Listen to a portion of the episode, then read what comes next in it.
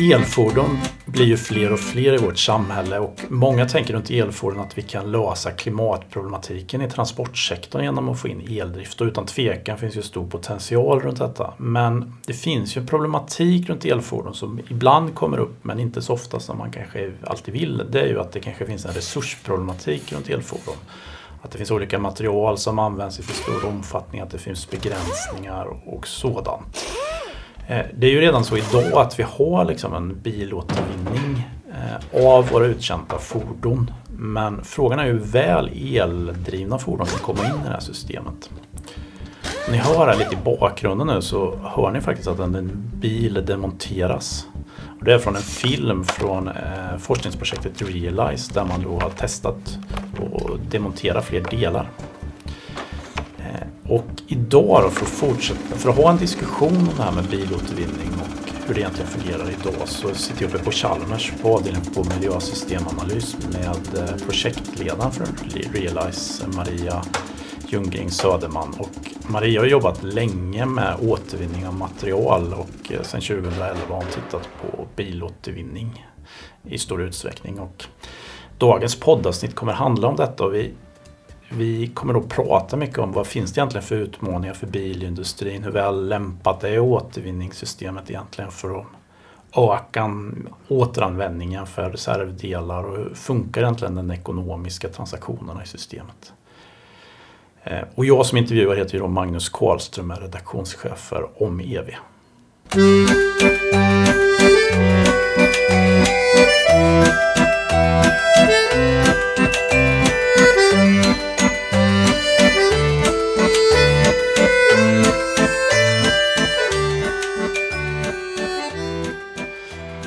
Många kanske inte har så stor insyn liksom, hur bilåtervinningssystemet fungerar i Sverige eller i Europa generellt.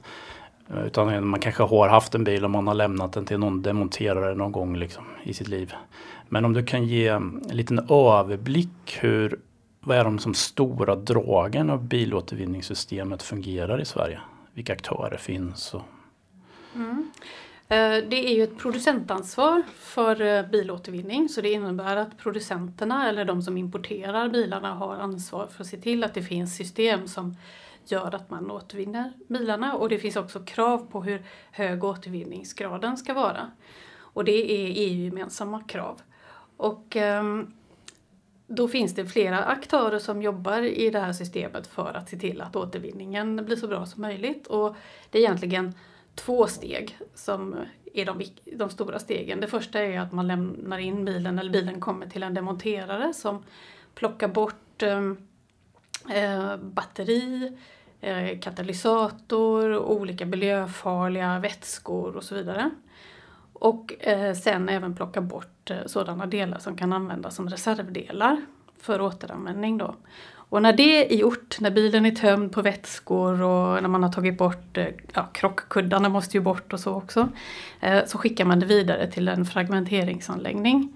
Och där mal man ner eh, bilen och sen sorterar upp i olika material.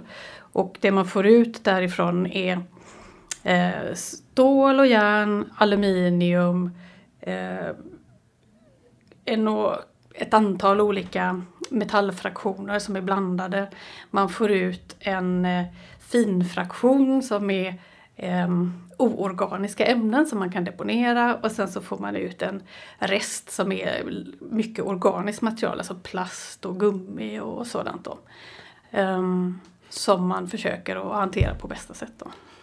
Kan du ungefär eh, uppskatta hur stor liksom återvinning i antal bilar per år i Sverige? Uh, knappt 200 000 ligger det på. Okay. Mm. Och då pratar vi person personbilar. Ja, precis. Men hur ser liksom företagsstrukturen? Är det liksom stora företag som gör det här eller är det mindre företag som gör de här olika stegen? Eller? Mm. Demonterarna är ju eh, flera hundra i Sverige. Låt säga 300-400 företag. Och sen är det olika storlek på dem för, förstås då. Eh, men sen eh, i nästa steg när det gäller fragmenteringssteg och efterbehandling av, av det materialet så är det eh, ett fåtal aktörer. Så det är tre, fyra stycken och sex, sju anläggningar i landet. Om man då, nu när du har jobbat i olika forskningsprojekt och tittat på forskningsfrågor och haft mycket dialog med de här aktörerna. Vad är det för eh, vilken utveckling ser man på kort sikt liksom, som kan vara något problem eller som en diskussion i branschen om man säger runt återvinning? Um, ja, man jobbar mycket med de här eh, kraven, återvinningskraven som ställs ifrån EU eh, EU och eh, de är ganska höga. Eh, 85 procent eh, materialåtervinning och återanvändning. Och sen så ska man upp i 95 procent eh, där man också får räkna in energiutvinning. Så det innebär att det är bara 5 procent av bilen som helhet som får läggas på deponi eller tipp. Um, och det är höga krav och speciellt när det gäller förändringen i att det är mycket mer plast i fordonen. Och, ja, det, är, det är nog den viktigaste frågan. Det gör att det blir en utmaning att komma upp i de här återvinningsnivåerna. När du pratar om procent så pratar man om viktsprocent va, av fordonets ja, totalvikt? Av totalvikten, precis. Um, så det är plast. Men det är um, och jag uppfattar det som det nya kravet är till 2015 va? Eller? Ja, just Så det. det har redan införts? Det har redan, in, det har redan införts ja. Ja. Så det finns ju ett, ett, eh, ett, ett, sånt här krav sedan tidigare men nu har man höjt nivåerna. Mm. Mm. Men om vi tittar på lite längre sikt då. Jag menar nu har vi den här lite mer just nu situationen då att det blir mer och mer plast och man måste upp, ena, upp till 95 procent. Mm. Men på längre sikt vad ser man för liksom, problem och frågor inför? Um, så som jag uppfattar det, om man ser på vad demonterarna gör så har ju de uh, sin bakgrund mycket i att de uh, plockar reservdelar och så säljer de det och det är det som man gör mycket affärer på. Och sen har man um, skickat vidare det som mm. är kvar av bilen till fragmentering. Men nu ser man att när man ändå då är inne och plockar manuellt i bilen att man skulle kunna ta kanske lite fler eh, delar eh, Eh, som sen kan då gå till materialåtervinning direkt. Så att man plockar även för återvinning och inte bara återanvändning och då blir det ett annat sätt att tänka för dem. För plockar man för återanvändning så måste man vara väldigt noggrann och det ska vara hela delar för att kunna använda igen. Men plockar man för materialåtervinning så gör det ju ingenting om det blir lite skrapmärken eller går sönder och så. För det viktiga är att, att materialfraktionerna hålls rena då. Ehm, så det är en sak som eh, man tänker på. Men ehm, sen är det väl också att eh, man ser att det blir svårare och svårare att plocka delar inne i bilen. Det blir, blir ju mer de här yttre delarna som man kan ta med dörrar och motorhuv och backspeglar och sånt där. Och sen kanske en del mekaniska delar eh, till motor och så. Men det, det, är ju komplexa produkter och de blir svårare och svårare. Så det blir svårare och svårare att plocka isär också. Jag tänkte ni på Chalmers här på miljösystemanalys som du sitter på. Ni har ju tittat på det här med elektronik i bilar för det är ju en trend som pågår att det blir mer och mer elektronik. Mm. Eh, och det är en diskussion som ofta förekommer att elbilarna eller elfordonen är ensamma användare av eh, mm, Mm, sällsynta metaller och knappa metaller och så. Men ni har ju tittat lite vidare på det här. Kan du säga någonting om det? Liksom, eh, hur är de generella trenderna runt det även runt? Mm.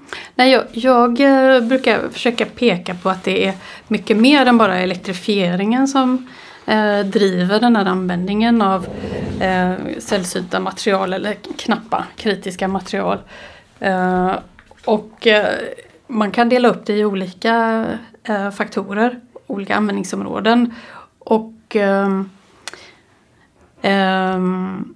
till exempel så eh, sitter det ju eh, koncentrerade eh, platinagruppsämnen i katalysatorerna.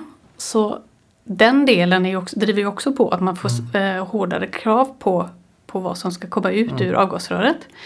Sen så är ju eh, lättviktsmaterial eller höghållsfasta eh, stållegeringar driver ju också eh, användningen av eh, eh, knappa eh, metaller. Till exempel niob, det är ett sånt bra exempel. Då. Eh, och sen eh, allting som har med elektronik i, i bilen att göra som inte kopplar med, till elektrifiering utan det är eh, säkerhetsfrågor, det är sånt heter connectivity, infotainment, eh, självkörande bilar, allt sånt där som plockar på eh, driver ju också användningen av mm. eh, knappa metaller. Så det är en stor skillnad eh, idag vad som finns i bilarna om man går tillbaka. Och alltså det man producerar idag och som hamnar i bilarna och det som just nu då kommer in till återvinning för det är ju eh, 15-20 år gamla bilar och där satt det inte så mycket eh, elektronik. Kan du ge någon sån typ av kvantifiering? Liksom? Vad är skillnaden typ på de bilarna som vi köper idag från de vi köpte för 15 år sedan? Har du någon sån? Jag förstår att det inte är så lätt att ta en exakt ja, faktauppgift men, men, bara för ja. att liksom, Finns det något exempel bara så folk förstår ungefär liksom, vilken storleksordning vi pratar om? Eh, jag har, alltså det finns ju inte så många ja. sådana jämförelser men jag har eh, lite uppgifter som handlar om hur golfbilarna har utvecklats över tid. Då. Och om man bara tittar på antalet styrenheter i bilen. Så i de nya bilarna så sitter det, de som kommer på marknaden idag, så kanske det sitter 60 stycken styrenheter eller någonting sånt där. Mm. Väldigt många i alla fall. Och går man tillbaka, jag tittar här på ett, en eh, graf då, så går man tillbaka kring eh, millennieskiftet så ja, här står det 16. Mm. Då. Och går man ännu längre tillbaka då på 70-talet så var det en. Ja, så det har verkligen ökat. Och det, det, ser ju ut som att det fortsätter öka också. Precis. Mm.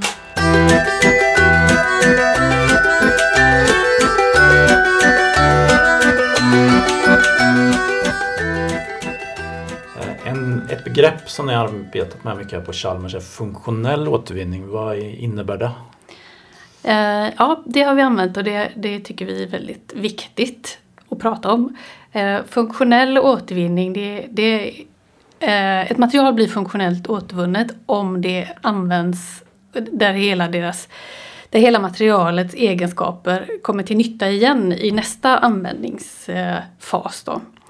Eh, men så är det inte för de flesta material som återvinns faktiskt. För det handlar om att det finns kvalitetsförluster och eh, att ehm, man använder materialet i en mer lågvärdig användning i nästa användningsfas. Då. Eh, och om man till exempel tar exemplet med höghållfasta stål i ett fordon så hamnar ju de, de stålkvaliteterna i det som kallas för fraggstål. Och det använder man inte i så höga, eh, eller man har inte så hög kvalitet eh, lite mer lågvärdig användning och då gör det att de eh, eh, legeringsämnen som ofta kan vara knappa metaller kommer inte till användning igen utan de bara förloras och späds ut i det här eh, fraggstålet.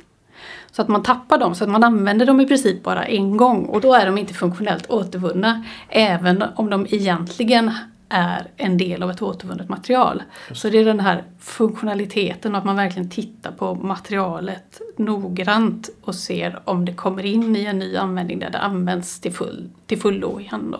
Just det. Men det är väl en hel del av de knappa metallerna som har problem att ha hög funktionell återvinningsgrad? Ja, så är det ju generellt och det gäller inte bara bilar.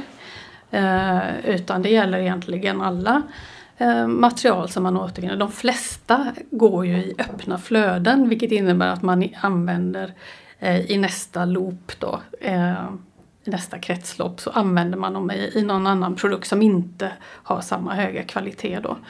Och om man tittar på bilar så är det faktiskt så att de flesta metaller eh, används, utom stål och aluminium då, eh, används eller återvinns inte funktionellt. Och vi har ju tittat på eh, knappa metaller i fordon. Och då kan vi se att det egentligen bara är eh, platina som eh, återvinns funktionellt från bilen eh, i sitt huvudanvändningsområde. Och det beror på att, det är, att platina sitter koncentrerat i katalysatorn och att den återvinns då. Då tar man ju verkligen tillvara på platina. Men eh, när det gäller många andra metaller så sitter de på många andra, eh, på många olika ställen i bilen och hamnar på i olika utflöden ifrån återvinningssystemet. Just det. Jag tänker men en förklaring till att platina återvinns bra också det är väl att det är ett ganska högt värde på platina, alltså per gram. Ja.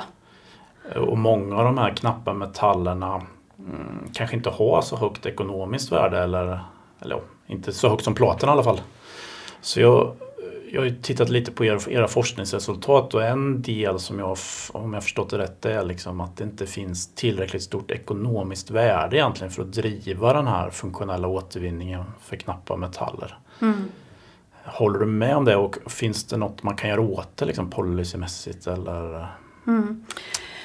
Eh, jag tror att det är lite olika beroende på vilken metall man eh, tittar på. Men, ehm, och var någonstans i bilen den här metallen befinner sig då. Och eh, när det gäller guld så finns det ju ett ganska högt värde och, ehm, och där skulle det nog kunna finnas möjligheter att börja plocka vissa utav elektronikdelarna. Men då gäller det ju att hitta vilka man ska ta. För att om, om guld finns på många ställen i bilen så kan man inte plocka allt, det sitter ju i kretskort.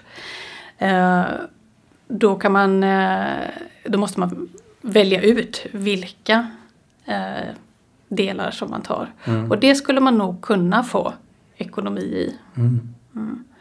Men eh, samtidigt så måste man ju också få upp processer för det och man måste ha infrastruktur för om det är demonterarna som ska göra det så ska det sen tas vidare i nästa steg då.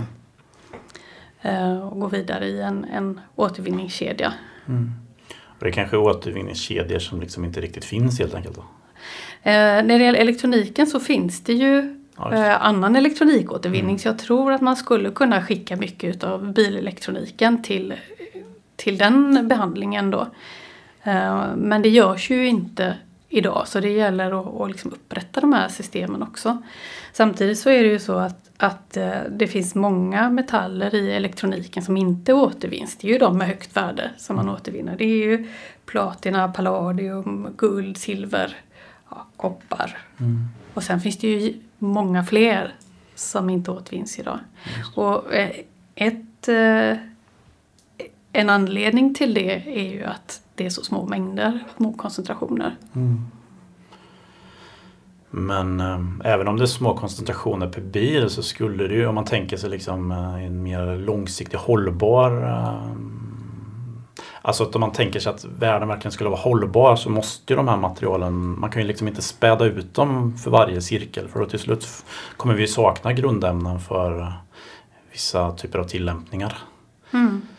Men då driver ju inte det här ekonomiska värdet eh, tillräckligt mycket då för att bygga upp en sån återvinningskedja. Nej. Nej. Men finns det något man skulle kunna liksom jobba med för att öka attraktionen med att bygga upp sådana återvinningskedjor? Mm. Um, ja, det är ju lätt att svara att man ska införa styrmedel. ja, det är ju klassiskt. ja, uh, och det är ju, uh, det är väl det är inte det som ligger bakom att vi har, styrmedlen ligger inte bakom att vi faktiskt har bilåtervinning idag för att det, bilåtervinningen uppstod på ett annat sätt. Det fanns en efterfrågan på stål. Mm. Ja. Uh, och det började man jobba med redan tidigt 1900-tal och började se sig om. Så då fanns, det var liksom en, en efterfrågan på det materialet och så såg man att ja, här har vi bilar, det börjar bli mycket material. Mm. Här finns någonting för oss som jobbar med ståltillverkning att hämta. Och sen eh, senare så har man ju byggt på med miljöinriktad lagstiftning så att man verkligen har eh, tar hand om, om alla material som finns i bilarna och inte bara stålet. Så, och på det sättet så har man ekonomi men det har ju varit en väldigt lång eh, utveckling innan man har nått dit där man är idag. Så att gå och vänta på något sätt på att det ska komma en ekonomisk driv, drivkraft i sig själv mm. som ska vara tillräckligt stor för att man ska bygga upp de här systemen. Det, det kommer ta väldigt lång tid. Mm. Ja. Och därför så tror jag faktiskt ändå att det måste till någon form av policy. Mm. där man ställer krav på att man ska Alltså man måste titta på de enskilda metallerna. Eh, och titta på dem och inte bara hålla på och titta på total eh, vikter. Mm. Eh, och hålla koll på var de här metallerna finns någonstans. Just det. Ja. Så det kanske kommer finnas specifika målsättningar för olika metaller på sikt kanske? Eller det skulle kunna ja. vara en bra lösning möjligtvis? Ja. ja, på något sätt så tror jag att det är dit som man måste mm. gå. Det här, det här gäller ju inte bara bilar då, mm. utan eh, all återvinning egentligen. Um, för att uh, många av de här metallerna används på många olika ställen i, i vår ekonomi idag. Och i små mängder, utspädda. Ingen riktigt vet var de finns mm. någonstans. Uh, men de används en gång och sen så försvinner de utspädda någonstans. Ja. ja. um, ja, så det, jag, jag, tror att faktiskt att policy är en, en uh, väg som man måste gå. Uh, och uh, om man tittar på faktiskt ett exempel är ju Schweiz som inför en sån börjar införa en sån lagstiftning nu då. Där man pekar på att elektronik som finns i bilar och i byggnader för där sätter man ju också in mycket elektronik, eh, måste återvinnas när det gäller ett visst antal av de här knappa metallerna. Just det. Men jobbar man också med avgifter då för slutkunder? Eller vem är det som ska, vilket styrmedel är det? Var någonstans ska styrmedel sättas in? Ja, eh, alltså om man låter eh, kunden betala en viss avgift när man köper produkten så blir det ju lika för alla bilar. Det borde inte påverka konkurrensen mellan olika mm. bilar. Eh, och då betalar man för att man sen ska ha råd att utföra kanske lite mer avancerad återvinning än vad man kan göra om man bara ska eh, låta materialvärdet bekosta mm. återvinningen. Precis. Ja.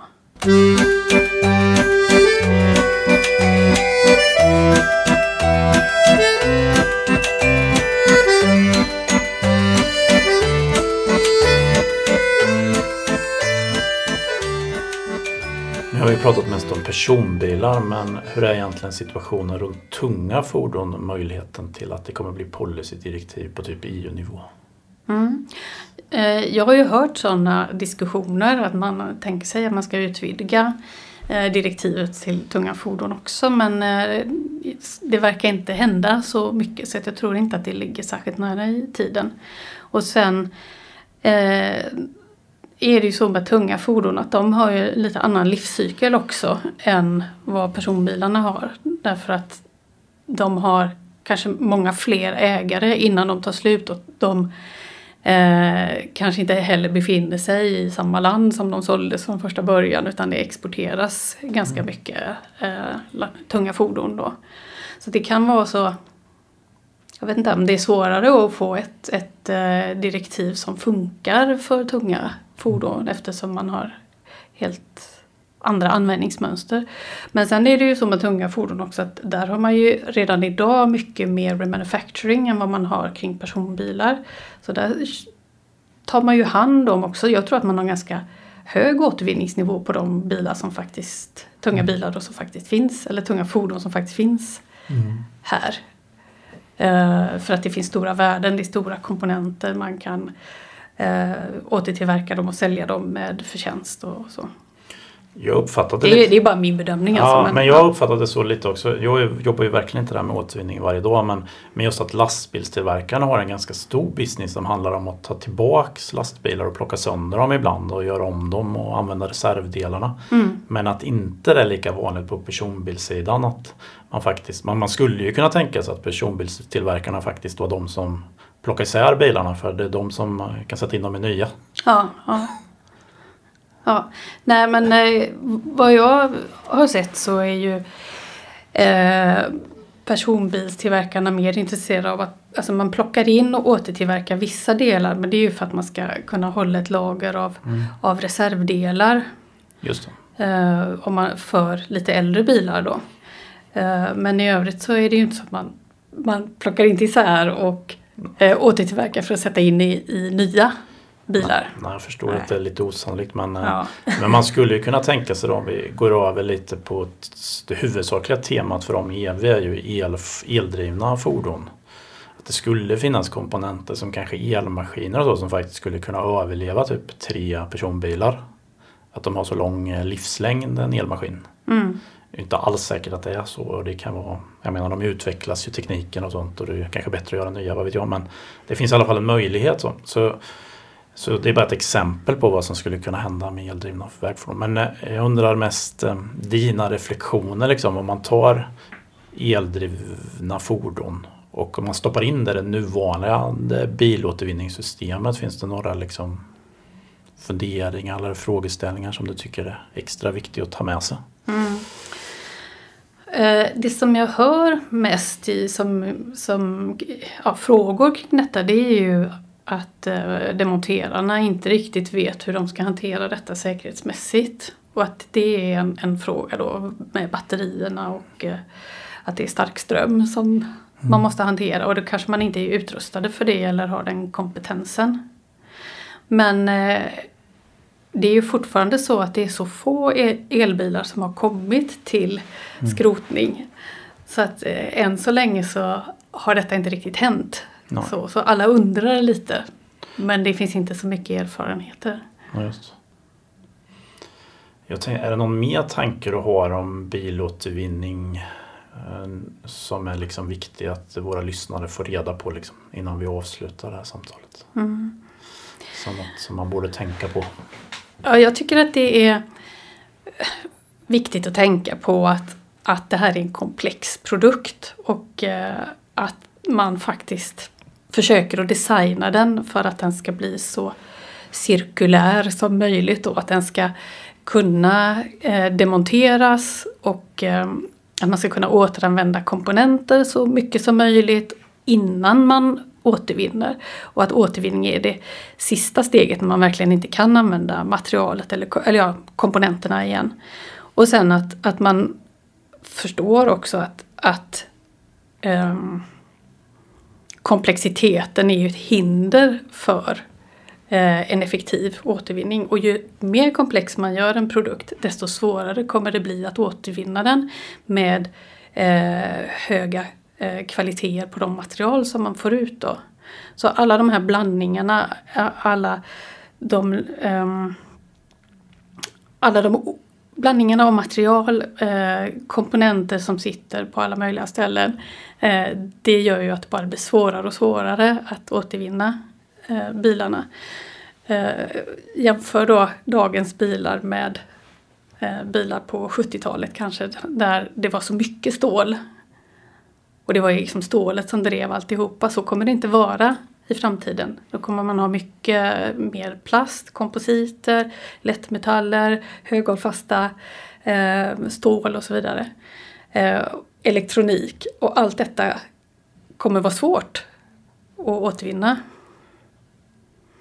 Och det, att tänka på det redan i designsteget och, och att tänka på att det är då förutsättningarna sätts och att inte det man lämnar över det, eh, den utmaningen till de som tar hand om bilen när den är uttjänt då.